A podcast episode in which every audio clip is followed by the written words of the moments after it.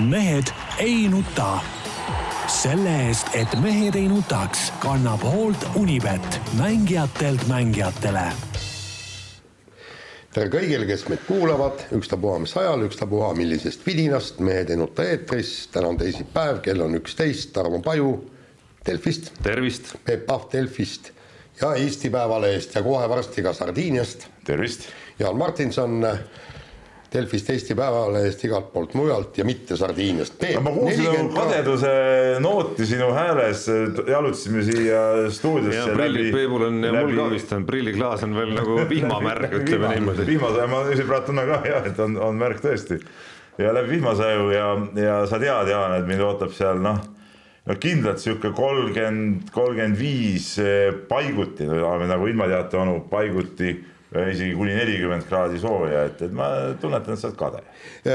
ma luban, ma saan sulle õhtul, õhtul ma olen juba kohal, teen esimese supluse, võtan esimese õlle ja ma luban, ma saadan sulle foto.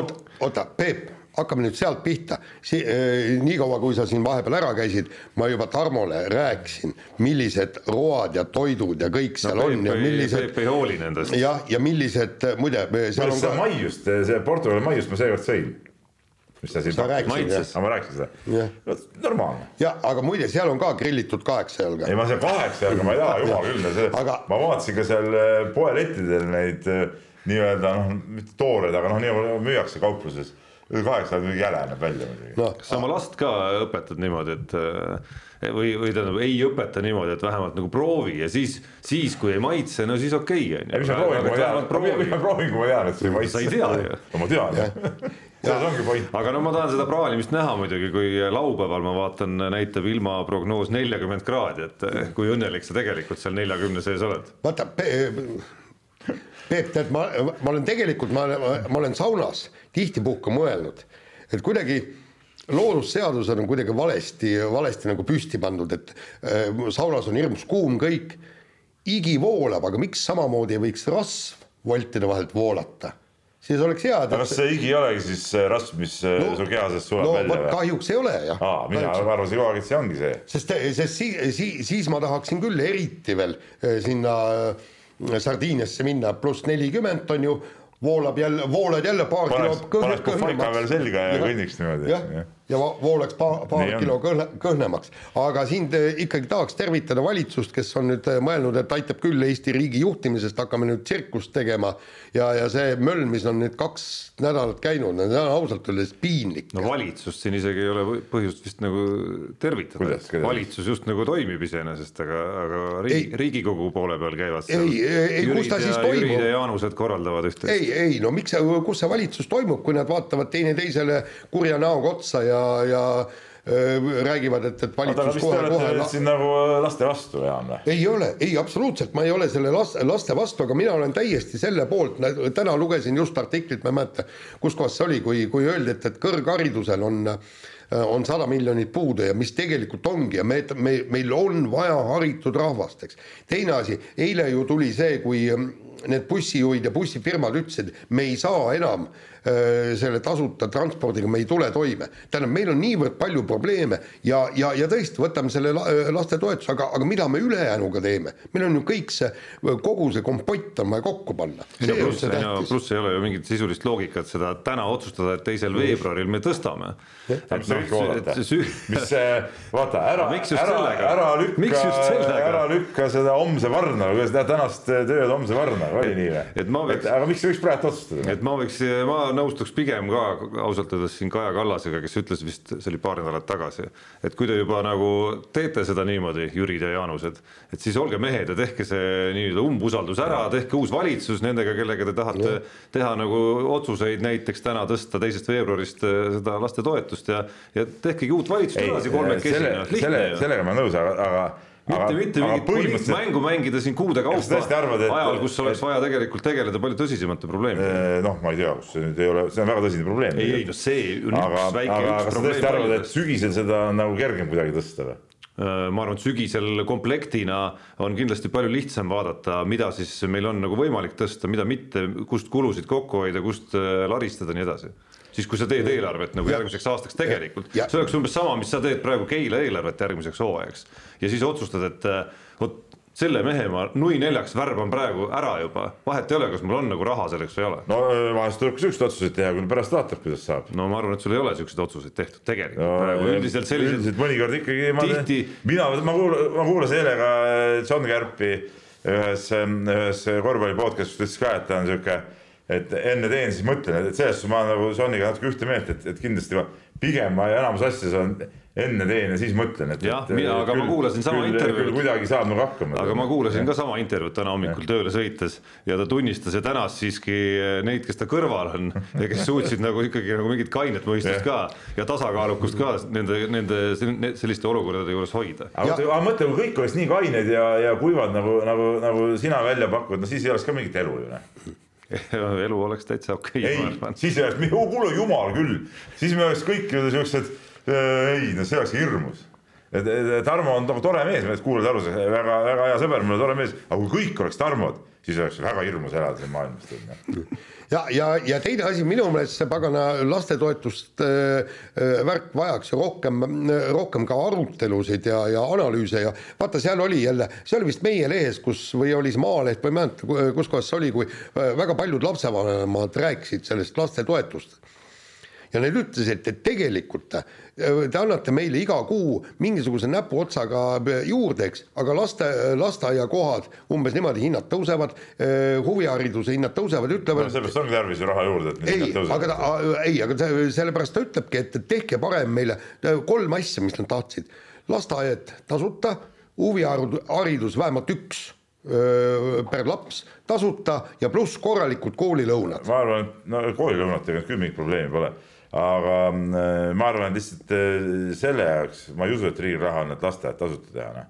see lõpuks see langeb kohalike omavalitsuste kaela ja, ja noh, see ei ole nagu reaalne, lihtsam on anda see paar eurot, minu arust need tõusud, mis on ka naeruväärsed, mis nad siin praegu üldse planeerivad. no te lähete et, nüüd et, nagu et, täitsa imelikule reele, ma ütlen ausalt siin, räägite nagu äh, kuidas öelda, tõsimeeli nagu selle kogu selle plaani sisust kui tegelik ainus, mis siin nagu toimub, on see, et, Keskerakonnal on vaja lihtsalt äh, kuskilt mingisugune, mingisugune lüke nagu ära teha. vaata, meie Jaaniga oleme sellised sisulised. sina oled sihuke, sihuke, sihuke poliittehnoloog. sina arvad, et ei ole see mäng praegu? ei, mina, mina olen, me Jaaniga arutame sisulisi probleeme, oleme mm., vaagime, kuidas on parem, kuidas kehvem. ja, aga, ja ka teie, ütleme, teie arutelu on loomulikult väga rikastav ja tore, on ju, aga eeldus, et see kõik toimub praegu ka just nagu nendel argumentidel ja, ja sellepärast see tundub mulle natuke idealistlik. ma eksin või, sa olid muidu vanasti sotside toetaja? ma Mina olen olnud sotside toetaja, tead, ma ei oskagi ausalt öeldes öelda, kelle aga nemad on selle, nemad on ju ka selle ideega kaasas. viimastel valimistel ma ei toetanud. aga nemad on ka selle ideega ütlen nii palju viimastel valimistel ma ei toetanud sotse ja mul ausalt öeldes on üks, ma ei saa isegi aru, miks see küsimus siia puutub praegu, keda ma nagu päriselt toetan, see ei tähenda, et ma pean olema sellega, kellega ma toetan iga sammuga nagu nõus on ju. on või? ikka. väga huvitav, väga põnevat juttu kuuleb ausalt öeldes mine sinna Sardiiniasse ära. nii, kuule, räägime asjast, räägime suurest spordist ja räägime Eesti kümnevõistlusest. No nagu viimastel aastatel ikka, viis meest olid kohvrid pakkinud, olid minema Kötsise suunas, me kõik siin rõõmustasime, et jube vinge, vinge võistlus tuleb ja, ja et kõik põhimõtteliselt silmad teleekraani küljes kinni, eks, ja no ja lausa kaks kõik... meediaväljaannet hankisid ülekandeõigused isegi no,, mis just, ei ole ka, ütleme, mis ei ole üldse tavapärane. ja eks me omavahel rääkisime, et see võib nii minna, nagu ta läks ja, tegelikult. nii.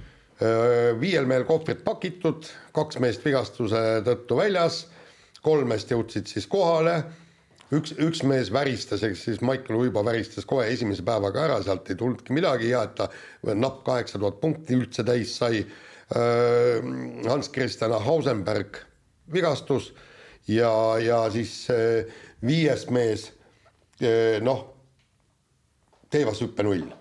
ja kõik, kõik viiest null, noh, viiest null no ütleme nii, et tegelikult eh, see, selle võistluse valguses peaks nagu ütlema, et seis on jälle katastroofiline hoopis, eks ole, et kui me kogu aeg räägime, meil on kümpis juba vinge seis, meil on jube palju mehi, siis no see võistlus jälle näitas, et no meil võib potentsiaalseid kõva tulemuse mehi meil võib olla, eks ole, aga üks asi on potentsiaalne kõva mees, teine asi on tulemuses ära teha, et et ja kõige kurvem selle loo juures on see, et Michael Uibo, kes noh, ütleme, on ikkagi MM-i hõbe ja, ja noh, tema võimekuses ja, ja tasemes no on nagu võimatu ju kahelda. on tegelikult ikkagi praegu sellises seisus ja, ja, ja mul on selline tunne, et, et tema vajaks võib-olla kõige rohkem mingeid muutusi või ümber, ümberkorraldusi, sest et noh, niimoodi kümnevõistluse trenni ikkagi pikalt mulle tundub, teha ei saa, kui sul ei ole nii-öelda kümnevõistluse treenerit, kes kogu selle paketi ja, ja pildi kokku paneb, et, et kui sa, kui sa treenid seal mingite sprinterit ja kõik on tore, eks ole, aga, aga kümnevõistlus on ikka midagi muud ja, ja, ja nagu elu näitab, ütleme need tulemused äh, on, on jäänud äh, aina kehvemaks ja kehvemaks. Noh. no ja üsna, üsna, no üsna halastamatu tõde on, kui võtta Jahvi kodulehelt lahti tema äh, personaalne kümnevõistluste top kümme või mitmevõistluste top kümme õigemini oleks vist täpne, et sealt sealt ikkagi kõik need aastanumbrid nende tulemuste taga on vahemikus kaks tuhat viisteist kuni kaks tuhat üheksateist.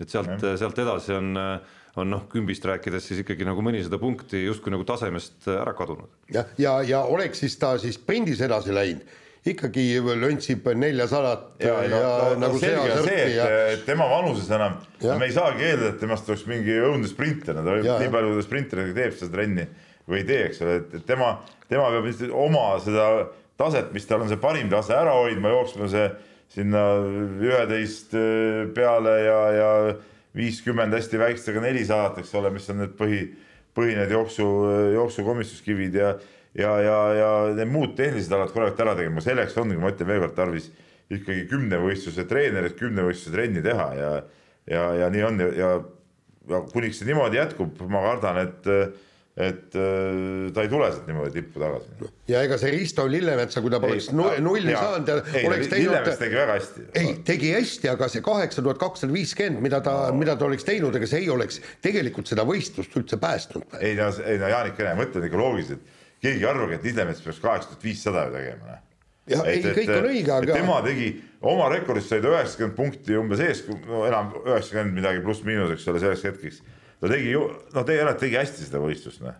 ja ma arvan, Lillemetsa tase ongi sihuke EM-ile vaadata ja, ja kui ta näiteks Estikatel äh, suudab korraliku resultaadi ära teha ja võita, siis no EM-ile minna väga-väga-väga okei okay.. tema tegi nagu normaalselt, millest mul on nagu ka väga kahju, on see Ausenbergi, mm, Hans-Christian Ausenbergi jälle see mingid reielihase krambid, eks ole, et, et talvel nagu tundus, et ta on nendest siukestest äh, probleemidest nagu üle saanud, mis ta segab mitmevõistlust teha.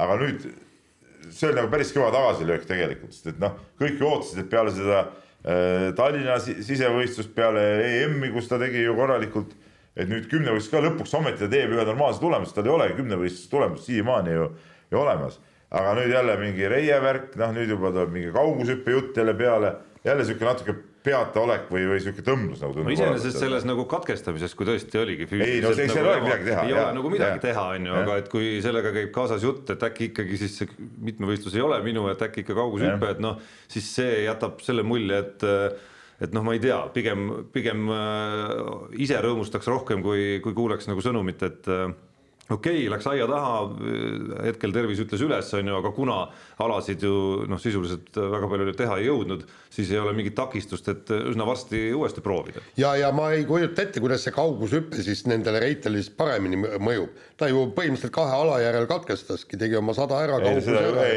kõrgustes juhtus tal see. või kõrguses, no jaa, aga, aga. kaugushüppes normaalselt, ta kaks esimest katset astus üle ja kolmanda katse tegi ju päris korraliku tulemuse. ja aga arvesta kõik need, kõik need reielihased on kaugushüppes samamoodi, aga tegelikult oleks vaja, vot siin ongi jälle, kelle, kelle peale me näpuga näitame, kelle poole me pöördume. tegelikult oleks Ausenbergile vaja oleks Ausenbergile vaja korralikku füsiot ja korralikku massööri kes, kes eh, tõesti tema no, lihastega tegeleks. teisalt jälle mees teeb Tartu Ülikooli spordiklubis seal trenni, et seal on ju need võimalused kõik olemas tegelikult. aga kui palju ta kasutab, see on iseasi. no ja tal on treener Harri Lemberg, kes ütleme, ütleme kelle sihukeses, kuidas ma ütlen, nagu tõsiseltvõetavuses ei ole küll mitte mingit põhjust kahelda, et ta sealt mingit niisama Aljavat nagu teha, teha ei lase, et, et. kas laagrites on see, kui palju nüüd poiss teda ise kuulab, eks. jah, kas laagrites on füsiod ja kõik kaasas, kas võistlustel olid füsiod ja, ja asjapulgad kaasas, noh? ei no võistlustel seal Eesti koondisel loomulikult oli füsio kaasas. ja mulle tundub, et Jaan praegu natuke läks mingi vana plaadi peale lahtisest uksest, vähemalt selle konkreetse vigastuse puhul. aga, aga, aga noh, suures pildis on ikkagi huvitav nüüd see, et et noh, me alustasime hooaega suure ootusega, et, et kus need kaheksa poole mehed või sealt kaheksa poole pealt siis äh, võib-olla veel edasihüppajad nagu tulla võiksid, on ju. ja need on nüüd ükshaaval ikkagi äh, nagu lootuste kaupa ära kukkunud, välja arvatud Janek Õiglane, kes, kes võib, kellest võib-olla isegi nagu räägiti kõige vähem sel hetkel, kui siin äh, talvel neid mehi nagu ritta hakati listima. aga mõnes mõttes see ütleme, sihuke ebaõnnestunud hooaja algus võiks anda ju ju super Eesti meistrivõistlused, sest Eesti meistrivõistluste kaal on ju väga kõva, eks ole, kasvõi see EM-i pääsme nimel, eks ole.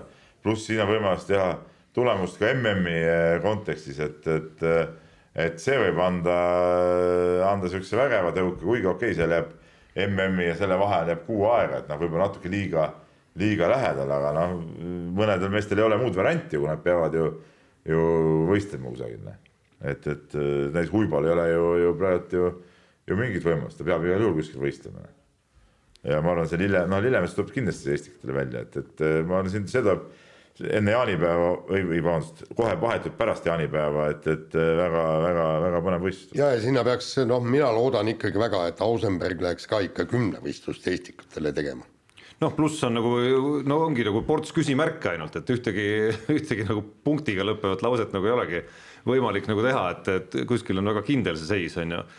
noh, tõesti, võib-olla õiglane siis välja arvatud, aga, aga ka seal noh, ma usun, et ka tema tahaks sellest äh, esimese võistluse nagu või tagasituleku võistluse tasemest nüüd nagu teha mingisuguse hüppe veel edasi, on ju, Erm tuli tagasi lõikusest, äh, tegi esimese võistluse ära, noh, nüüd on nagu väga, väga suur huvi iseenesest, et kas sealt nüüd tuleb mingisugune samm juba sel hooajal, väga selge samm. tema saab veel USA-s teha veel võistelda, eks ole, et seal selles suhtes. just ja noh, Karel Tilga, eks ole, et, et mis hetkel, ma ei tea, kas on teada, millal ta nüüd äh, oma esimese võistluse teeb üldse? no ei, ei ole teada ja teine asi on nüüd Tilga see nii-öelda treeneri küsimus ka noh, et, et, et neid lahtisi otsi ja sihukest segadust on, on seal jälle väga palju nagu tegelikult. Noh. nii, aga meie vahetame teemat ja läheme jäähoki maailmameistrivõistluste no, juurde võimas tuleb Peebult enne, kui, kui jõuame asja kallale minna ja ega, ega väga raske on midagi muud öelda esimese reaktsioonina, kui, kui tõesti võimas. siiski, siiski ma kuulsin ja Peep kuulis ka ja me olime väga pahased, leidus äh, Eestimaal inimesi, kes spordiajakirjanikke. ja kusjuures spordiajakirjanikke, kes ei vaadanud äh, jäähoki MM-finaali Soome ja Kanada vahel ja tegelikult iga inimene, kes natukenegi spordi vastu huvi tunneb oleks pidanud tõesti oma silmad sinna eh, ekraani külge liimima, sest see oli ikka noh, viimaste aegade üks vägevamaid mänge. no ütleme, selle spordiajakirjaniku üle veel ütleme, kohtuprotsess siin minu peas alles käib, et, et seal loomulikult sanktsioonid eh, tulevad ja, ja väga-väga tugevad, et noh. aga jah, aga ütleme, see eh, finaal oli, oli ütleme äge, noh tegelikult kogu see play-off'i osa oli, oli MM-il väga äge ja, ja see, kuidas Kanada juba alustas sellest, kuidas ta Rootsi vastu välja tuli ja siis finaalis Soome vastu sama trikki kordas, onju.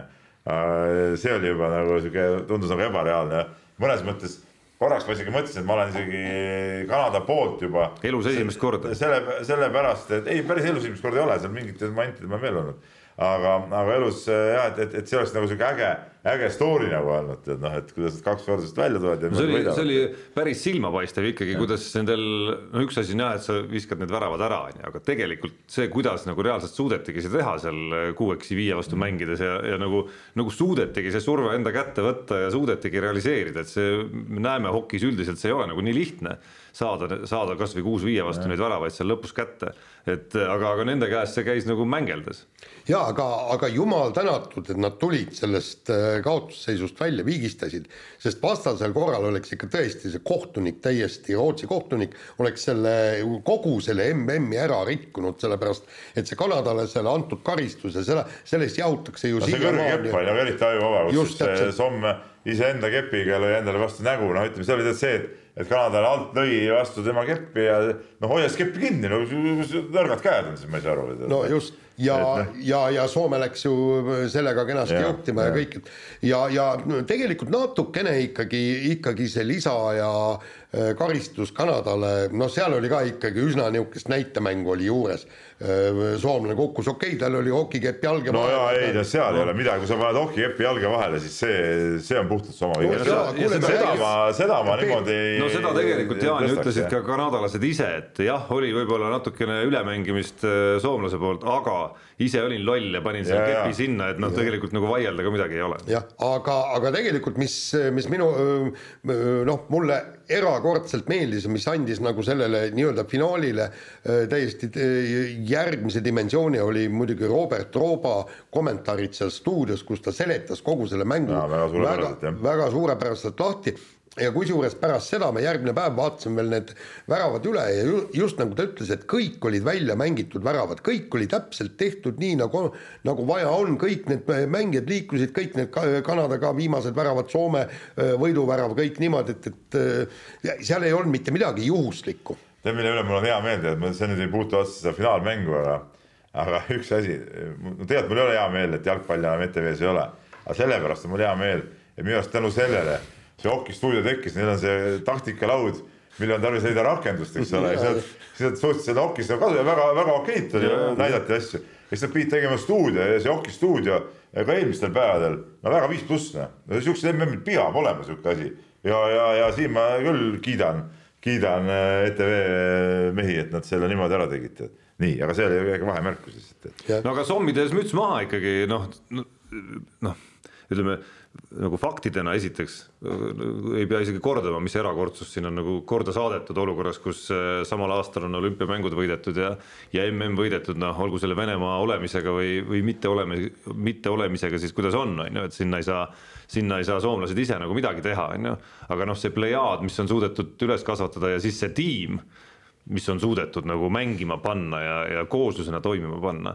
noh, need on mingid asjad, kus tuleb kiita ju korraga nii süsteemi kui ka siis konkreetset peatreenerit ja neid mängijaid. no ja seekord oli võrreldes olümpiaga, neil oli NHL-i mehi ju seal äh, juures ka ja, ja oli natuke teistsugune see võistkond, et ja neid ja see ei ole ka lihtne töö, Ei ole, sinna ei, sisse kindlasti sulatada turniiri käigus, kui mitte. asjad juba toimivad aga no ütleme, Granlund oli ikkagi ju noh, finaali MVP vaieldamatult ja no ütleme, tema väravad, see öö, otsustava värava, värava sööt, ütleme kõik, kogu see tema tegevus ja olek seal platsi peal, et noh, see andis nii-nii palju juurde ikkagi ja, ja tõstis ma ütleks see, et see MM-i turniir oli tasemelt ikkagi kõvem kui see olümpiaturniir, et isegi noh, siin olid NHL-i, kõikidel meeskondadel NHL-i mehi ju päris palju sees, nagu ikka MM-idel tulevad nad ju ja ja, ja, ja, ja see andis, andis ikkagi väga-väga palju juurde ja, ja Granlundi mängu oli ikkagi no ikkagi super vaadata.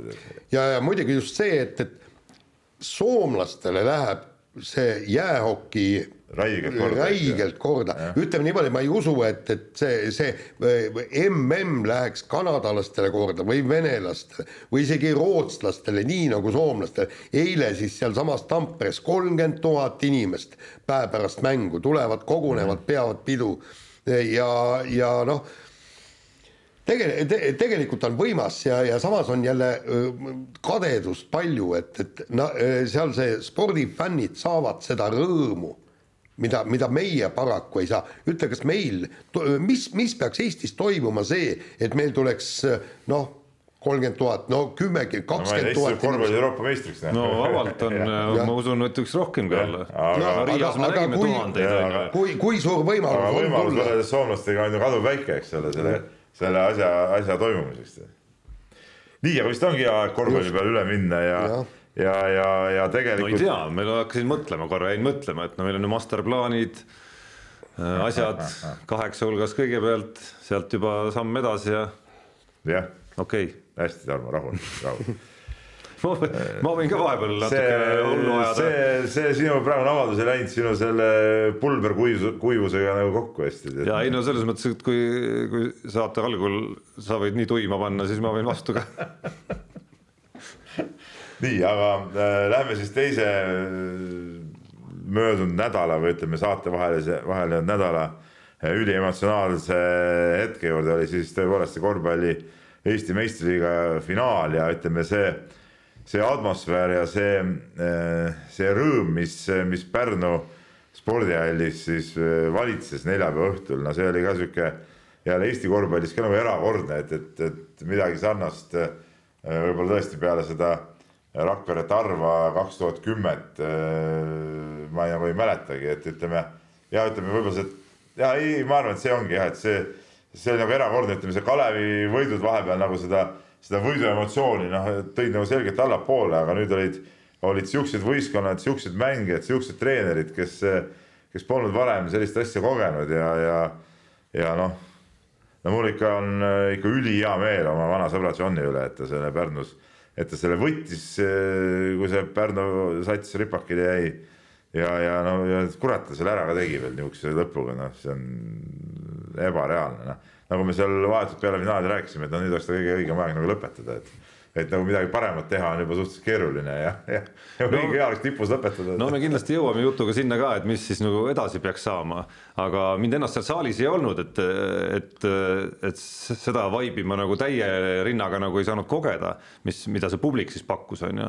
aga minu nagu see esimene heameel ja emotsioon läks pigem isegi mitte publiku, vaid, vaid selle Pärnu tiimi ja, ja peatreener Heiko Rannula suunas, et, et noh, see on ikkagi nagu see, nõuab mingit oskust, see nõuab mingite asjade kokkusattumust, see nõuab noh, nii värbamisel nende liigutustega, mis hooaja käigus tehti ja parandati vigu, mis oli tehtud hooaja algul näiteks on ju, mille puhul sealsamas intervjuus kuulus John ütles, et tema läbematus võib-olla oli taga, mõne vea taga ka on ju. Et, et, et tõuseksid esile mingid mängijad, eks ole, seal. See, et äh, meeskond oli just meeskonnana minu arust ikkagi nagu üle Tartust nagu peamiselt just nimelt, et, et need nagu kõige nagu lahedamad omadused, mis, mis ja kõige olulisemad omadused, seesama iga palli järele minek, kus nad olid ikkagi nagu eespool pidevalt selles seerias Tartu mängijatest, et et noh, seal ei ole midagi, see hakkas te, nagu telekast vaadates, see hakkas nagu tohutult silma, ma arvan, et koha peal ka ikkagi noh, ja see ja see ja see enesekindlus, milleni nad nagu jõudsid tegelikult selle, ma arvan, et kuskil seal poolfinaalseeria ajal ilmselt käis see krõks võib-olla neist nagu endast ka läbi. et äh, need olid mingid asjad, mis, mis pakkusid nagu rõõmu nii personaalselt paljude mängijate osas, kes, äh, kes ma arvan, nagu üllatasid päris suurt osa Eesti korvpalli avalikkusest, et nad on võimelised tassima seda meeskonda nendes rollides, mis nad olid. ja, ja ka tegelikult peatreener Heiko Rannula üle, kellest on noh, räägitud juba aastaid ju tegelikult ja ta ei ole ise ka saladust teinud, et tal, et ta on peatreenerina noh, ambitsioonikas, ütleme, et ta tahab kuhugi just nimelt peatreenerina Eestist välja jõuda. Äh, tema töövõimest on räägitud kõikidest, kõikidest asjadest, et, et mul on nagu, nagu isiklikult hea meel, et, et ühel sellisel treeneril ka Äh, on nüüd ette näidata üks niisugune töövõit, et vaatame, mis tast siis nagu edasi saab lõpuks, äh, lõpuks, kas avab mõne ukse näiteks kuhugi, kuhugi edasi. ja vaata need mängijad, kellest sa rääkisid, äh, ma siin Eiko, Eiko Rannula rääkisin ka pühapäeval hästi-hästi pikalt üle ja esmaspäevast teie sai väike lugu ka sellest.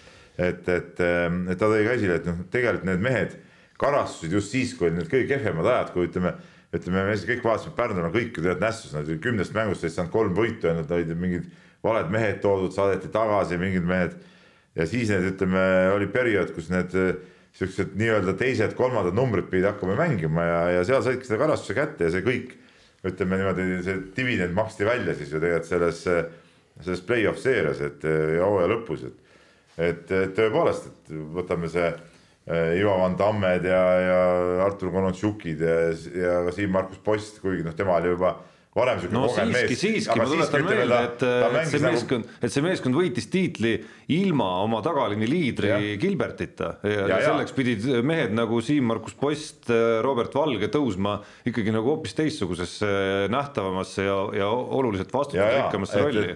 ma ütlengi, et nad, nad selle ajaga nad kasvasid ja ja, ja nagu Randor ütles ka, et see meeskond ise kasvaski selle hooajaga nii hästi kokku ja, ja arenes nii, nii kõvasti, pluss siis need kogenud legionärid, kes ikkagi ikkagi finaalseerias tegid, tegid ju väga-väga kõvad mängud ja no ütleme, selles otsus viimases mängus siis ka ütleme, eh, kuidas vanameister Valeka seal, no see oli nagu sümboolne, kuidas ta seal esimesel poolajal läks järsku sealt kuskilt vabaviskejoone juurest nii terava sammuga sisse ja, ja, ja hammastega rõngas vajus palli no, pealt sisse. mees vaatas, et korvi all kedagi no, ei ole. kuule, come on, mis ta on, kolmkümmend kaheksa või no., et, et, et see oli ikkagi, ma arvan, nii kiired liigutused ta polnud teinud viimased kümme aastat. no ära alahinda, kolm, isegi neljakümne kolmeselt saab teha kiireid liigutusi. aga, ja, ja tema roll just seal kaitsemängus, ütleme, mida võib-olla, võib-olla paljud ei oska võib-olla vaadata, aga tema roll just seal kaitsemängus, see tsementeerimine ja kuidas ta sealt seda korvialustelt valitses, et see oli noh, ei väga-väga kõva.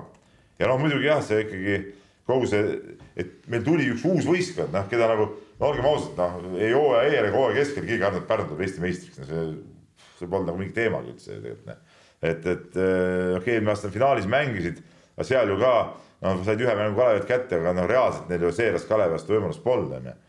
aga nüüd, nüüd olid finaalis ja, ja, ja, ja kuna tõesti nagu Kullamets ka hästi, et kui me juba poolfinaalis Kalevi vastu null kahest välja tulime, võitsime, siis oleks olnud narr nagu Tartu vastu finaali kaotada ja noh ja see on ka nagu, nagu õige jutt ju tegelikult noh et noh, ei, väga uhke, väga uhke. väga uhke jah, et, et ja noh, just, et me rääkisime tagaliinis Gilberti puudumisel pidid siis teised mehed olema nagu vastutusrikkamates rollides, samamoodi eesliinis ühe mehe puudumine, vigastus, hooaja lõpetamine sillutas mõnes mõttes ju noh, kas sillutas teed, on vale öelda, see tähendab, et keegi sillutas, on ju, et noh, tegelikult Konatšukid ja Tammed pidid ikkagi nagu ise selle, selle võimaluse nagu vastu võtma ja sellel, selles, selles kevades nendes olukordades said nad sellega suurepäraselt hakkama. noh, samas Tartust rääkides on samamoodi ju hea meel, et, et tiim, mis on siin vaevelnud raskustes ikkagi nagu küll identiteedikriisis, küll mingite ma ei tea, noh, ebaõnnestunud valikutega, küll segadusega, et mida siis nagu tahetakse täpselt ja mitte ja siis on seal kodust äh, kitkumist seal kõvasti seal Tartu linnas ka olnud viimastel aastatel. et see tiim on nagu selle hooajaga äkki me saame märkida nüüd aastat, äh, kus, kus nagu justkui noh saadakse jalad alla, kuigi mõnes mõttes jalad on kogu aeg all olnud, vaadates, kuidas Tartu on äh, noorte püramiidi mõttes ikkagi nagu ülekaalukalt üle kõikidest Eesti teistest klubidest, on ju. aga et nüüd nagu kuidagi tipuni välja hakkas mingisugune nagu noh, äkki mingi uus ajastu ikkagi, et karikavõit ja, ja koduses sarjas finaali pääsemine on ikkagi mingi asi, mis nendest raskustest hoolimata ja, ja noh, see hooaeg läks raskelt, nad mängisid minu arust pikki perioode kehvemini, kui, kui see koosseis oleks pidanud mängima.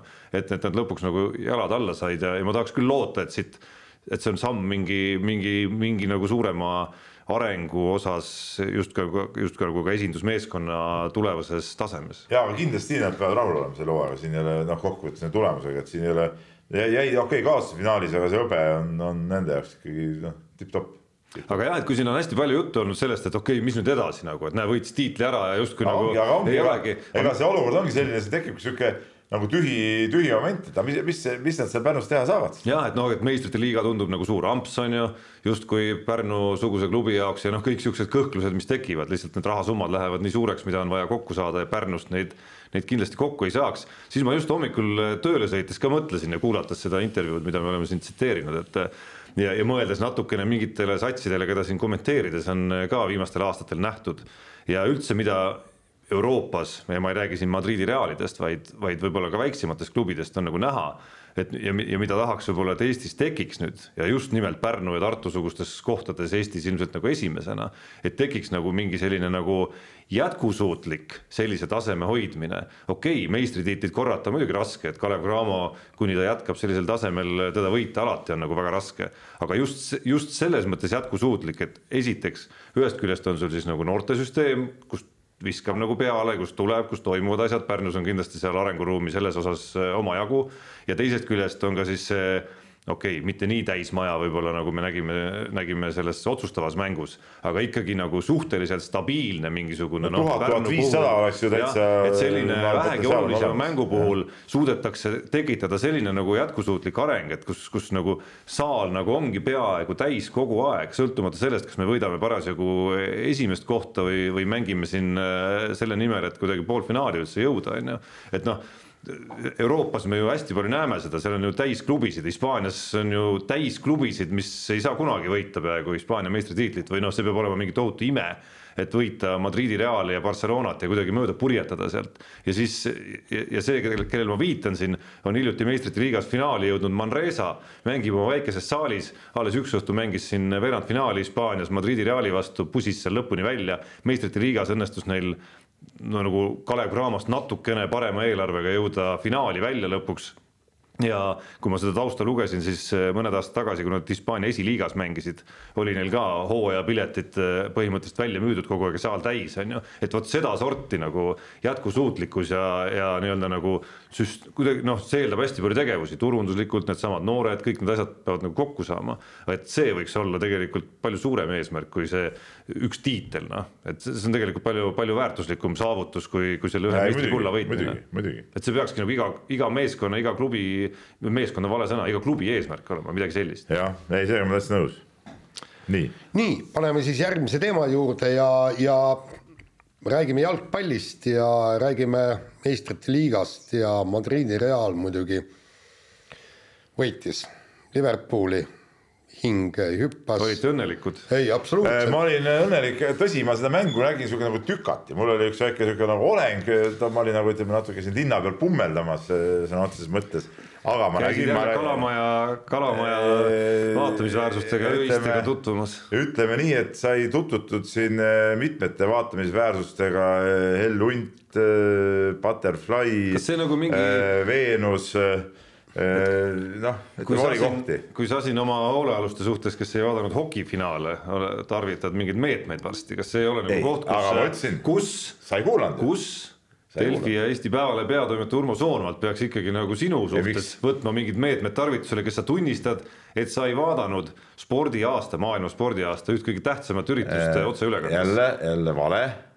ma ütlesin, et ma vaatasin, nägin tükati, värava nägin ära Benzema mitte loetud värava nägin ära, kõik olulised momendid olid, olid nähtud, et ja, ja hoidsime kogu aeg ennast nagu kursis asjaga. ja, ja te, teine asi oli see, et, et noh, see mäng oli, ta, ta, ta ei olnud nii. oota, ma küsin vahele, Tarmo, aga kui sulle valida, kas sul on korvpalli naiskonna hooaja lõpupidu või mingisugune tühine meistrite liiga finaal, no kumma sa valid? no ei ole sul seda spordi Kuidas? nagu see üldist spordihuvi nagu ikkagi hakkab tuhmuma ikka. ei, no kuule, halloo ah., naiska, see ongi, see ongi päris sport. Nendega no. me oleme nagu sporti teinud terve aasta ju tead. sa ei jaga seda asja. sätid endal sellise ürituse ei. sellisesse õhtusse no,. ma saan aru, kui te oleksite nagu seltskonnaga koos kõigepealt äh, või vahepeal need üheksakümmend minutit ära vaadanud. küll me vaatasime, ma räägin sulle, aga ütleme, lükkaamise käigus on ja ütleme, klaaside tühjendamise käigus, ega siis kogu aeg pilk ei püsi kogu aeg ühe koha peal. sellest oleks mingi filmi saanud muidugi, Peep koos oma naistega käis siis vallutamas Tallinna ööelu. kuni hommikuni. oli väga meeleolukas seda ma arvangi, sellepärast olekski tore film olnud. kohtasin, kohtasin, kohtasin ööelus ka meeskorvpallureid tahad sa äkki natuke valgustada lähemalt? mis tähtsust sul on lihtsalt. kas ka Eesti koondislasi? Äh, neid, kes on mänginud Eesti koondises, jah. nii, aga räägime Madridi Realist ka natuke või? ütleme niimoodi, et, et see mäng oli, ta oli pingeline, ta ei olnud võib-olla niivõrd põnev, aga ta oli pingeline, sest äh, Liverpooli värav oli ju kogu aeg õhus ja ikka. no klassika äh, ikkagi, ei löö, siis lüüakse sulle ja see nii tihti saab paika. ja, ja aga vaata, tähendab, seal oligi niimoodi, et mitte kui sina ei löö aga kui sina ei löö ja ei löö ja ei löö ja ei löö ja ei löö ja ei löö ja vot siis alles lüüakse sulle, sellepärast et see äh, Liver- äh,, Reali väravaht Courtois ikka, ikka no tegi supertõrjeid supertõrjeid ja kõike ja mis ta tegi, üheksa tõrjet, mis on, mis, mis on taaskord rekord aga mitte, mitte midagi ei ole teha, see äh, Carlos Ancelotti on ikka selles mõttes geniaalne treener ikka, ikka tähendab, võtab neid jäneseid seal kübaratest välja nii poolfinaalis, poolfinaal oli muidugi märksa põnevam tegelikult mäng, eks, ja, ja ja, ja suudab selle meeskonna äh, mängima panna ja, ja tegelikult mis, mis seal oli? seal oligi ju tegelikult, ega muud sul ei ole vaja, superväravad, supertõrjed ja üks rünnak kõik. no neil ei olnud, kusjuures ma juhin tähelepanu. Nad tõid ju ka selle värava, mis saab Saidult ära ei loetud. et see värav, mida ära ei loetud, et äh, ma ei tea, siiamaani tundub natuke imelik, kuigi okei okay,, ma saan nendest seletustest aru seal. Äh, kas see jalg oli seal taga kuidagi? jah, kuidagi, kuidagi selline nagu. totrus, see ei mõjuta mitte kuidagi seda tegelikult ju et, et mulle kõlas ja mulle tundus, et ka ikkagi stuudio või selle ülekande nii-öelda kaaskommentaatorile tundus väga selgelt, et et ka tema sai aru ja oluliselt pädevam kui meie siin jalgpallis, et, et tundub nagu peaks ära lugema ikkagi. jah, aga, aga no lihtsalt on, üks treener on ja üks klubi on nendes otsustavates mängudes ja just kõige suuremates mängudes su-, suudavad ikka teistest üle olla, mitte midagi teha, neliteist meistrite liiga tiitlit. järgmisel on seitse. nojah, nii on aga seekord oli, ma tavaliselt ei ole Reali poolt peaaegu mitte kunagi olnud, aga aga see oli jah, seekord, kui mul nagu see Real nagu meeldis nagu. jah, mulle jäi küll nagu segaseks su eelmises saates öeldud lause, et et see on sellepärast, et Liverpoolis ei ole nagu mingisuguseid nagu noh, kuidas öelda, nagu suuri mängijaid, et ei, ma ei öelnud niimoodi. midagi sellist sa ma ütlesid. ütlesin, mul ei, ma ütlesin, mul Liverpool pole kunagi eriti meeldinud. ei, aga, aga tegelikult no noh, ei ole seal niisugust säravat mängijat nagu Benzema. jah, nagu Benzema on ikka kuidagi äge. no on see Salah nüüd nagu no, vähem särav mängija kui jälle, Benzema jälle ütlen, Salah ei ole, ongi maitse asi, Salah ei ole mulle kunagi siukest muljet nagu jätnud. ei, ta on väga hea, super hea hea mängija, mängija, aga ta ei ole noh, nagu öeldakse, ta ei ole või seksikas. nagu jah, jah, täpselt, no see peab ikka mingisugune, mingi eriline asi peab küljes olema. no okei okay,, lõpuks, lõpuks muidugi, aga lõpuks kõige erilisem oli ikkagi ju. vaata noh, kui see endal nagu seda siukest emotsiooni ei ole ja mõtled ainult kuivalt teksti formaadis nii-öelda ülekantud tähenduses, noh, ega siis sellest erisusest ka aru ei saa. ja räägib mees, kes eh, seda mängu vaatas tükati. Ma arvan, et selle selle asemel, et äh, aga ma- mulle tundub, et Tarmo hääles kõlab taas kadeduse noot, ütleme niimoodi. absoluutselt mitte, ei oleks tahtnud küll. Aga ausalt öeldes ei ma- oleks tahtnud küll laupäeval öötundidel hommikuni välja Ei, eh, kuskil Kuule, eh, Tallinna slummides tiirutada. räige rahvas, näiteks, näiteks. sa rääkisid oma Veenus klaavis käimisest ja, ja, ja ma olen seal aga, käinud samasuguses aga olukorras. seal oli, ma ütlen niimoodi, et, et seal saalis seal oli see traffic mängis. Saalis oli niimoodi, et, et tõesti, ega seal mingid inimesed nagu liigutada. ja ma olen käinud umbes samasugusel õhtul aastate eest. meil on nüüd kiire, lähme oota, oota edasi. ja no ei taha tegelikult sinna rohkem minna no vahest harva võib. nii, Nii. aga on selle ma pean lõpetuseks selle saatuse lõpetuseks, kui Jaan saatis mulle eile õhtul nii-öelda nagu teemade väikese nagu drafti, siis oli seal lause, kas Ott Tänak võidab Sardiinia ralli ja mul on tunne, et sellise küsimuse hooaja senist kulgu arvestades saab küll vist Jaan ainult püsti panna või ei, ei, lähen ka lootuses, et saan äh, võitu kajastada. et äh, Sardiinias on äh, Tänak varem ka võitnud. seal oli vist ka tema elu esimene võit, just, mida Jaan nägi tookord oma silmaga. on seal väga hästi varem sõitnud.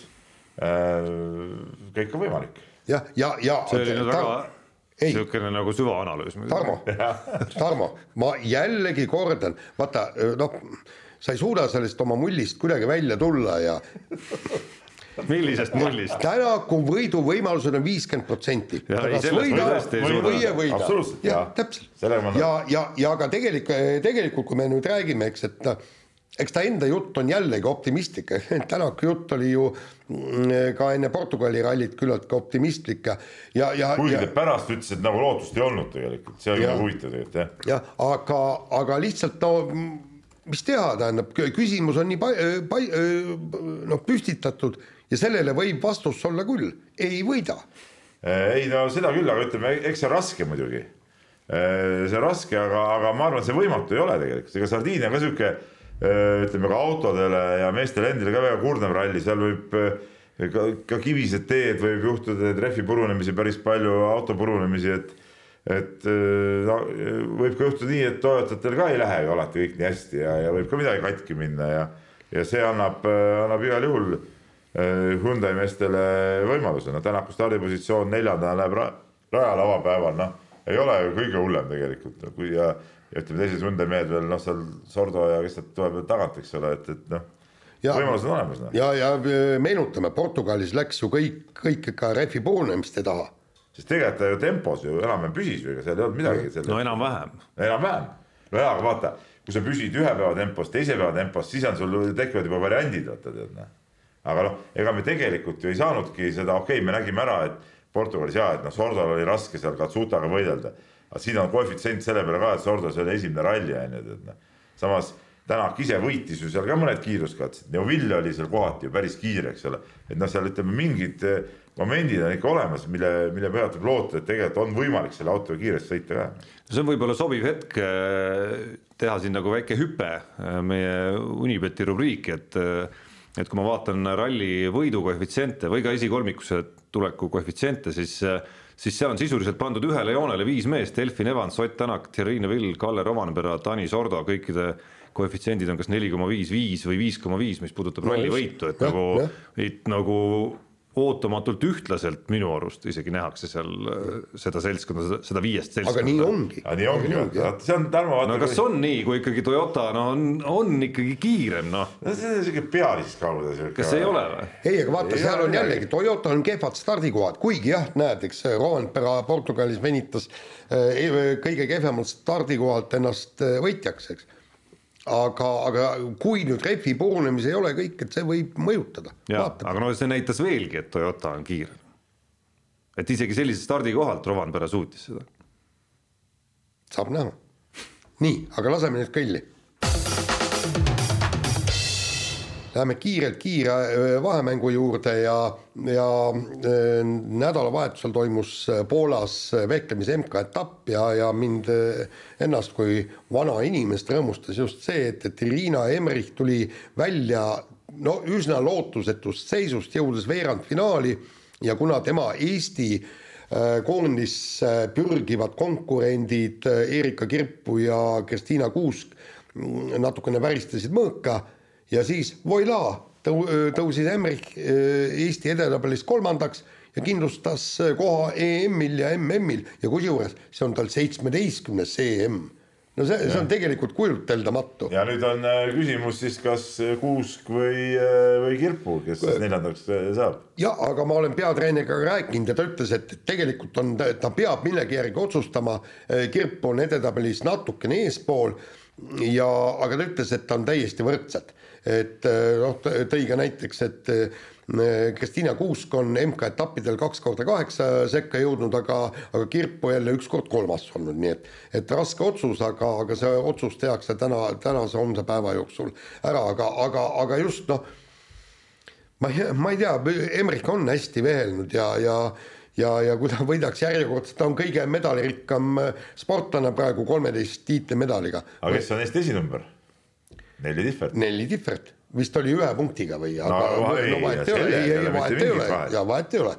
Jah, Nelli Tihvert, Eesti esinumber ja läheb oma esimesele tiitlivõistlusele ja mm siis tuleb ka järgi, et, et.... aga on ka see hooaeg ikkagi tegelikult nüüd, nüüd lõpuks ometi on ka rahvusvahelistes sarjades väga hästi vehelnud. nii, ja nüüd oli ju see, et, et põhimõtteliselt veerandfinaali pääsu eest nad vehklesid ju leisega, leisega. ja, ja, ja mis seis oli, Tihverti kasuks viisteist, kümme et põhimõtteliselt peaks äh, vehklemises nagu mingitel suusaetappidel on ju olnud see nagu kahe võistkonna väljapanek nagu Norra esimene, Norra teine tiim. tead suhtes MK-etappidel. jah, kuskil, kuskil, kuskil mingil ajal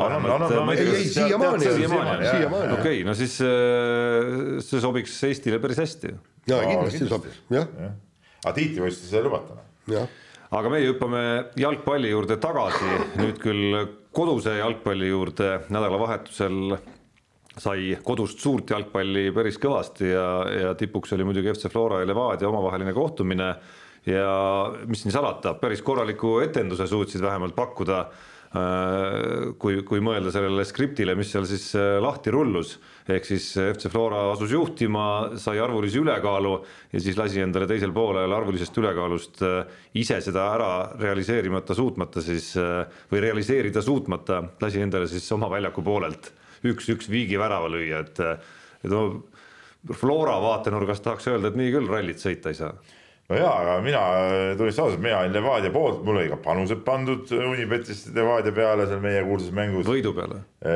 viigi peale? ei, mul oli Levadia võidu peale loomulikult pandud. no siis oli vähe kasu sellest. ei no ma räägin jaa, ma tahangi nüüd ikkagi nagu natuke rihmutada Levadiat, et kuulge, võtke siis kokku nüüd, tead noh. kaudu jamate seal, ei saa sellest Florast jagu, ise valitsevad tšempionit, tead noh. milles asi on, tead et, et, et seal tuleb, tuleb natuke raputada neid. ma ei olnud nagu rahul selle mänguga igatahes. okei okay,, värav oli äge no., keskväljas, see kõik on tore, said viigipunkti kätte, aga tervikuna ütleme, ootaks nagu Levadiat nüüd ikkagi nagu tõsisemalt vastu hakkuda, et noh.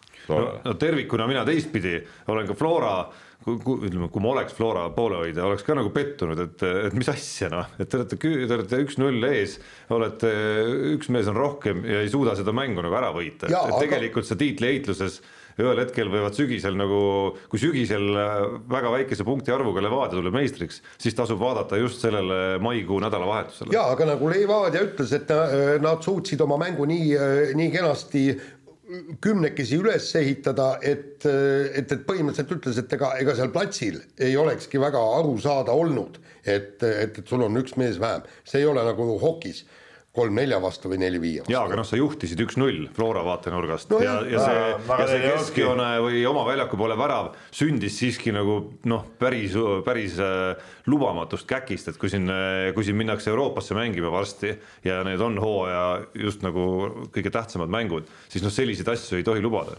jaa, aga teistpidi vaatame, et Levadia läheb ka Euroopasse mängima ja, ja võiks seal ka mõne, mõne oma väljaku poole pealt värava lüüa. päris tore oleks ju. no ma ei ole kindel, kas seal kingitakse selliseid. Harjutama peab igaks juhuks. nii, aga läheme jalgpalliga edasi ja Eesti jalgpallikoondisele seisab siis ees ka väga põnev nädal, kõigepealt siis neljapäeval mängitakse kodus eh, Euroopa või maailma kõige kehvema eh, meeskonna San Marinoga. aga juba pühapäeval siis eh, võluti välja sõprusmäng Argentiinaga, kahju, et see mäng toimub kuskil väljamaal, et et noh, see, see, see nagu natuke tõmbab seda seda võib-olla maha, et no publiku seisukohast vaata, et kui oleks ikka kodus mängida Argentiinaga no oleks saanud ikka hoopis teine tera. no nagu sa isegi aru saad, siis äh, on see teine tera ka rahanumbrilt, mis siis välja tuleks käia, et. Argentiinat saada siia A Le Coq Arena'le. mäletame, kõik mäletame, kui Brasiilia siin käis, mingi asjataaž selle ümber oli, eks ole. aga, aga ei, aga tore on see, et Argentiinaga mängitakse, huvitav muidugi see, et, et kes siis Argentiinas seal platsile jooksevad Argentiina võistkonnast, et koondise nimekirjas on kakskümmend üheksa mängijat.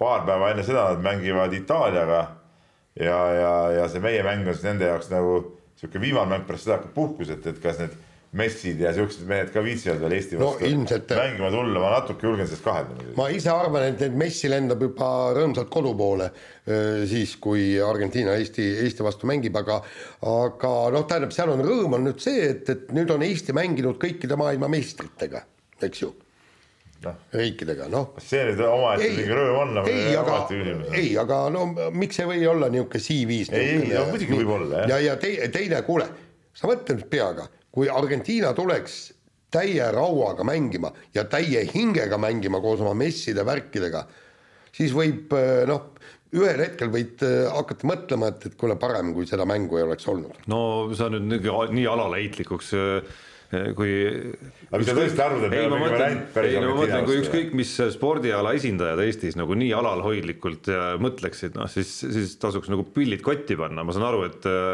et enne toimuv mäng San Marinoga oma nagu faktilt, et selline toimub üldse sellisel, sellise liiga sellises divisjonis, noh, on, on natukene nagu nukraks tegev iseenesest. aga noh, Argentiina tasemel satsidega Eesti on läbi valiksarjade ajaloo küll Euroopas siis mänginud küll ja küll, on ju. ja on olnud nii õnnetumaid õhtuid, kui on olnud ka vähe nagu reipamaid õhtuid. aga ma ise arvan küll, et Argentiina selle mänguga nõus sellepärast, et kuna see on neil nagu see nii-öelda nagu kevadtsükli viimane mäng, et nad tahtsid lõpetada siukse, nad siis kellegi tolmutavad räigelt üles, vaatasid, ahah, mingisugune Eesti, noh, ei teadnud midagi sellest võistkonnast varem. oo, mängivad San Marinoga, et seal äh, kaks täitsa udu, eks ole. noh, neid on mõnus, et paneme mingi kümme-null siis nagu ütleme tsükli lõpetuseks. jah, kuule, nad võiksid võib-olla tuua vanad legendid Mario Kempesit platsile. Maradonat kahjuks enam ma ei saa, aga nagu räigelt alahindate muidugi eh, seda, seda, mismoodi Argentiina jalgpalliliidus ja koondises asju aetakse, et et ei, et ei teata, kellega nagu tegelikult kokku lepitakse see mäng. ei, nad teavadki, vaatasidki, et, et millest tarvis siukest, kellele saaks tolmutada sinna, vaatasid, oot-oot, mingisugune Eesti ja sihuke riik on olemas, ahah, ahah, päris huvitav lugu. vaatame, mis kohal nad on, siin, kellega mängivad seda, nendega, noh, siis on paras sihuke no. nii, kuule, aga lähme järgmise teemaga kiirelt edasi ja käivad Prantsuse lahtised tennise meistrivõistlused ja täna õhtu hilja on siis eepiline mäng. Rafael Nadal ja Novak Djokovic kindlasti, kindlasti kõigil on see ka samamoodi kohustuslik vaadata. Ja Kaia Kanepi kolmandas ringis pidi kahjuks jah, ameeriklanna Coco Gaufi noore talendi vastu tunnistama paremust, aga, aga noh, see mäng ei olnud tegelikult hull, noh, aga, aga seal oleks vaja olnud tõesti oma parimat praeguste aegade Kanepit selleks, et äh, Kaupi võita ja tegelikult Indrek Tustit, kes on tema äh, nii-öelda füsio ja, ja noh, aitab ka natuke juhendada ja ütles, et, et tegelikult oli see mäng võidetav, aga noh, seal oleks Kanepi pidanud tõesti mängima ideaalset mängu. aga mis kogu selle naiste tennise juures on minu meelest ääretult kummaline. Anett Kontaveit, kes kaotas Prantsuse lahtiste e- esimeses ringis, et põhimõtteliselt praegu on kümnest esi, või kümnest esikümne mängijast on ainult mm, Iga Sviatek ehk siis esinumber on, on alles veel tabelis. ja võib tõusta maailma edetabelis teiseks. tähendab kolmandaks tõuseb ta kindlasti, aga võib tõusta teiseks. see näitab, aga see näitab, et see Eesti või tähendab, see naiste tennis on praegu nii laiali. ei laiali küll, aga ütleme mänge, kes pole, ma ei tea, kuu aega ühtki mängu võitnud, siis äh, teeb siukse tõusu no,. no jaa, aga teised. no mis seal veidrust, seal on ju punktid lihtsalt. ei, ma saan aru küll, et teistel kukuvad punktid, ei, ma saan aru jah, aga olemuselt see on ju veider tegelikult. on, olemuselt on veider jah. et, et aga no ei, no see selleks, aga mäletan, et Kanepi tegelikult ütleme, oli tubli see Prantsusmaal, noh, et tead, ta on ikka äge, tead, ta on ägedalt mänginud see aasta. on. Ja, ja, ja mul on mitte ainult sel aastal, et no, jah, see nii-öelda tagasituleku järgne aeg, kus oli hetk, kus tundus, et ta ilmselt ongi lõpetanud ja siis sai oma tervise Indrek Tustiti abiga korda, et see kõik on olnud üks tore selline noh, karjääri jätk ikkagi, mis, mis on toonud nii võite ägedaid kui ka noh, päris korralikku teenistust ikkagi muidu, just suure slam'i turniiridelt. ja Kalepi puhul on tõesti kahetsusväärne ka see, eks, et, et Wimbledonis punkte, punkte ei jagata, eks. kahjuks raha jagatakse, aga, aga teada, et ta on Wimbledonis ka ju väga hästi mänginud ja kui ta jõuaks, jõuaks taaskord kuhugi kolmandasse ringi kasvõi, ta tõuseks ju maailma edetabelisse, sina juba vaatad esikümne piirile lõpuks aga kiire vahemängu lõpetuseks äh, tuleme korraks koduse korvpalli äh, finaalseeria juurde ka tagasi. Tartu kossumees Märt Rosenthal sai äh, kohtunike kritiseerimise eest tuhat viissada eurot trahvi. täielik totrus, täielik totrus. no trahv, ma ei, ma ei tea, mida Märt Rosenthal, ma ütlen, mis mu esimene reaktsioon on. ma ei, see jutt on ju sellest, et olevat lisaks sellele, mis ta ütles meediale, olevat veel midagi seal nagu vahetult ka öelnud ja me ei tea, mis see oli.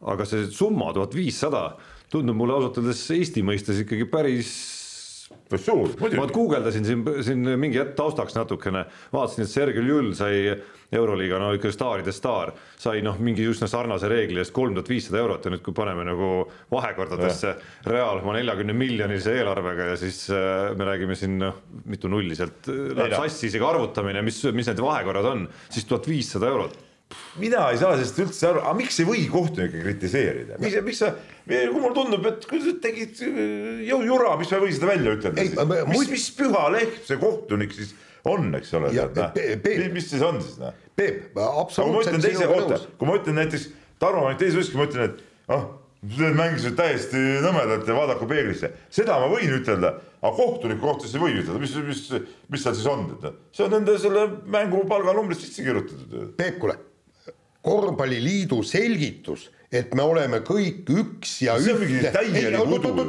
see on täielik udu. oota, Peep, vastupidi, kui me oleme kõik ühine sats, siis ma võin kritiseerida, treener võib te telekanalis kritiseerida mängijat ja trahvi selle eest ei saa, aga me oleme ju kõik ühtsed, me oleme kõik võrdsed miks siis kohtunik ja ei, ma tõesti ei saa aru. ja, ja, ja kusjuures. okei okay,, ma saan aru, kui ta tõesti ropendab ja midagi ütleb mingi ebatsensuurset seal, et aga sihuke, et vaadaku peeglisse, no mis see, see nüüd ei ole küll mingisugune mingi sihuke hull asi. selles, mis ta ütles intervjuus, ei tundunud ka päris nagu trahviainest minu jaoks, aga, aga kahjuks ma ei tea, kas seal oli ei, no, okay. nagu vahetult midagi, midagi enam. ütles, et käi sinna sammuses. noh, seal, seal mingi, mingi, seal mingi nagu nii-öelda nagu noh, mingi, mingi selline nagu etikett võiks siiski nagu aga, aga ma tean seda, seda korvpalli suhtumist ka kõik see, et mingid emotsionaalsed asjad on keelatud ja, ja kohtunikud ka ju ütleme, karistavad ju liigset emotsionaalsust mängu ajal, mis on ka täiesti debiilne tegelikult eh, korvpalli juures. korvpall ongi emotsioon, mida rohkem seal on emotsioone, mida rohkem seal on siukseid siukseid momente, seda parem ju tegelikult. aga, aga, aga miks, ei, aga miks me ei karista siis publikut emotsioonide väljapaiskamise eest, eh? Miks? aga no millest äh, muidugi tagantjärele nüüd äh, selles, selles olukorras väga ei räägita, mängu järel räägiti küll siis, kui ei olnud trahvi teemat veel õhus, oli see, et äh, noh, kogu see emotsioon tuli, tuli tartlastel ikkagi suht tühja koha pealt ikkagi. see on teine asi. ei, see on hoopis teine teema, see on hoopis teine teema, aga, aga ja tulles, mis viib omakorda natukene mõtte selle juurde, millest me siin Kossu teemas ei rääkinud, et noh üks asi, mille üle hirmsasti kahju oli selles seerias, lihtsalt ma jätkan praegu omavoliliselt seda, oli see, et, et see seeria ei läinud Tartusse tagasi ja, ja noh, tegelikult see seeria otsustatigi ära selles teises mängus selle mingi kahekümne punktilise circa tagasitulekuga, mille Tartu suutis maha mängida, et noh, et, et nagu sellest oli nagu kahju, et meil jäid võib-olla kaks täismaja veel saamata. nii, nii., kõll Unibetis saab tasuta vaadata aastas enam kui viiekümne tuhande mängu otseülekannet. seda isegi mobiilis ja tahvelarvutis. Unibet, mängijatelt mängijatele. nii, Tarmo, Unibet. no Peep siin, Peepust saime aimu juba, Levadia ei. ei, aga ma sain vahepeal ka võidud. Assa. Assa. ma sain ikkagi, ikkagi jäähoki ikkagi lõpuks eh, tõi mulle viiskümmend eurtsi nagu sisse. Assa pagan. on nagu Nagu, aga mis, kuidas, kuidas ta oli, sul oli? no mul oli Saksamaa, Tšehhi, Šveits, USA. noh, loomulikult nüüd sai õigesti pandud, see oli selge. see oli nagu suht selge, et see, see üks tabeli, üks alagrupp oli selgelt tugevam kui teine, noh et need, et need veerandfinaalid olid nagu paigas. palju sa sisse panid siis?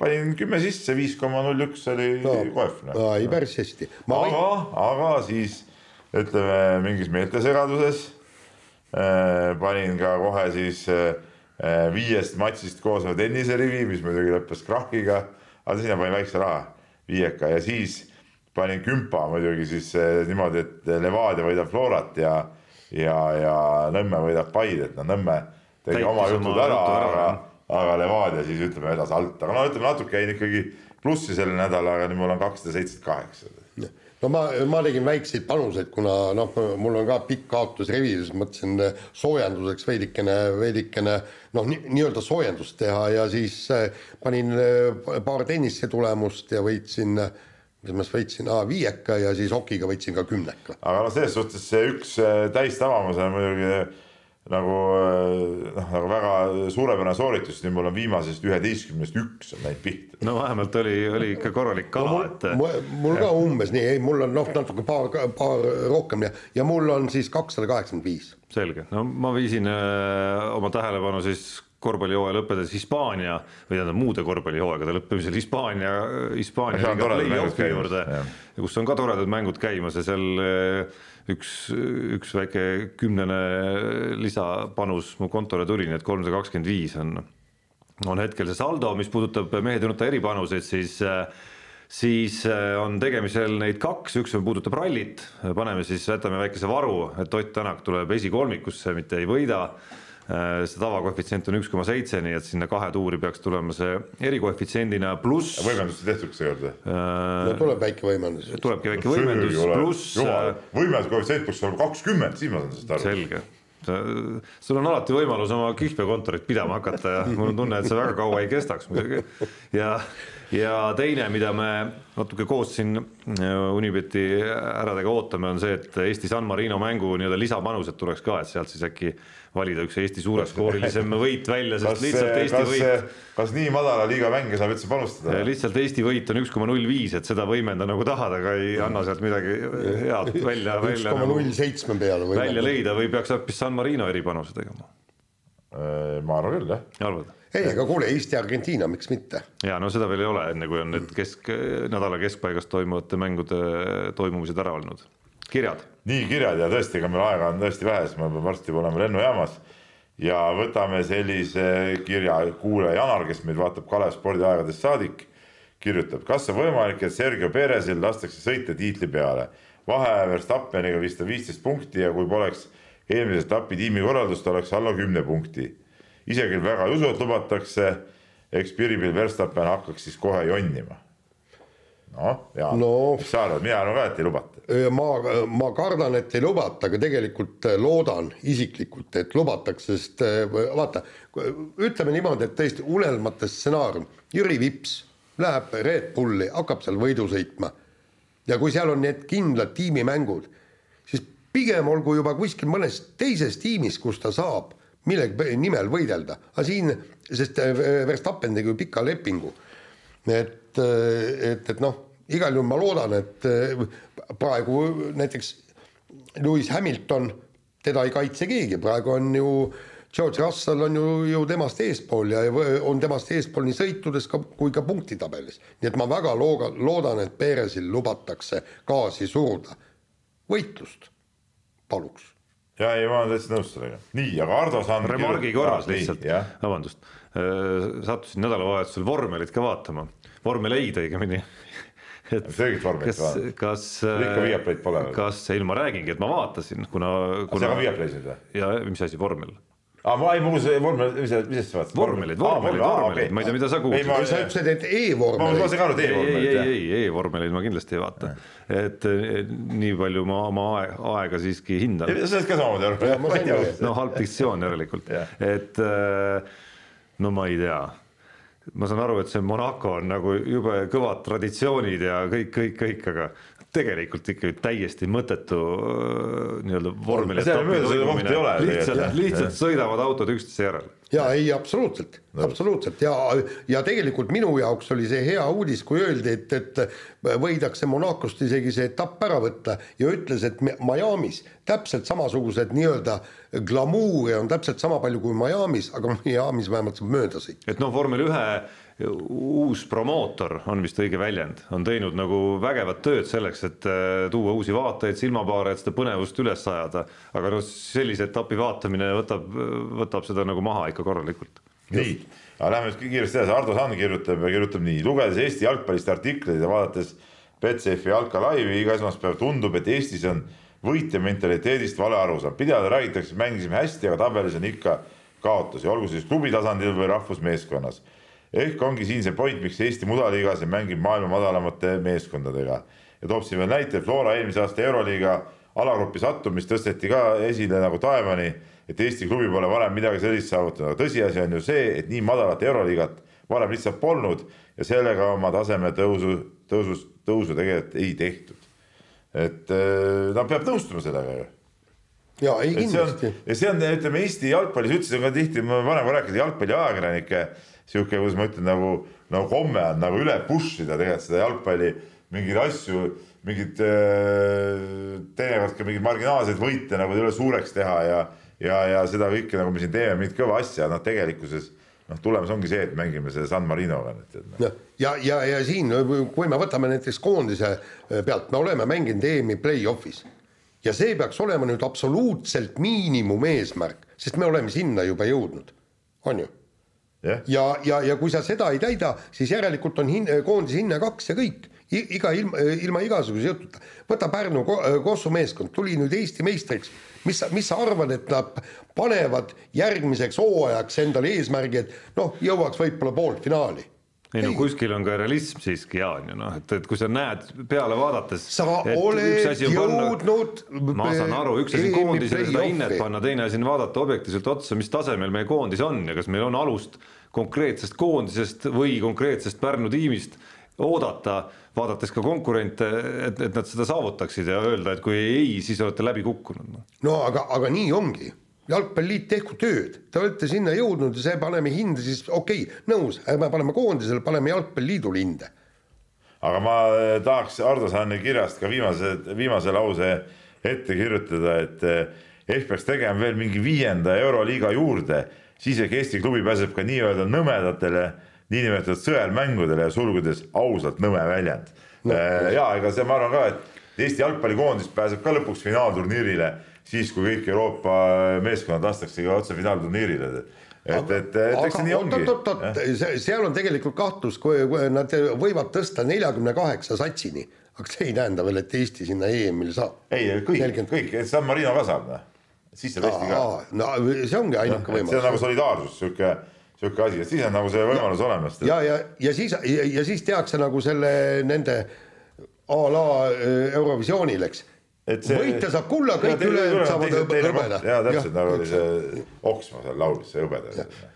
no küll läks alles aasimiseks nüüd Jaa. nagu Eesti jalgpalli aadressil. nii, aga me täna tõesti, kuna ma tõesti pean, lennuki pean minema, teadlase Priidiku kiri, ma luban, et see lükkub järgmisse saatesse, igal juhul loen selle seal ette, aga aga nüüd, nüüd ma pean lõpetama, sest et ma ei taha maha jääda.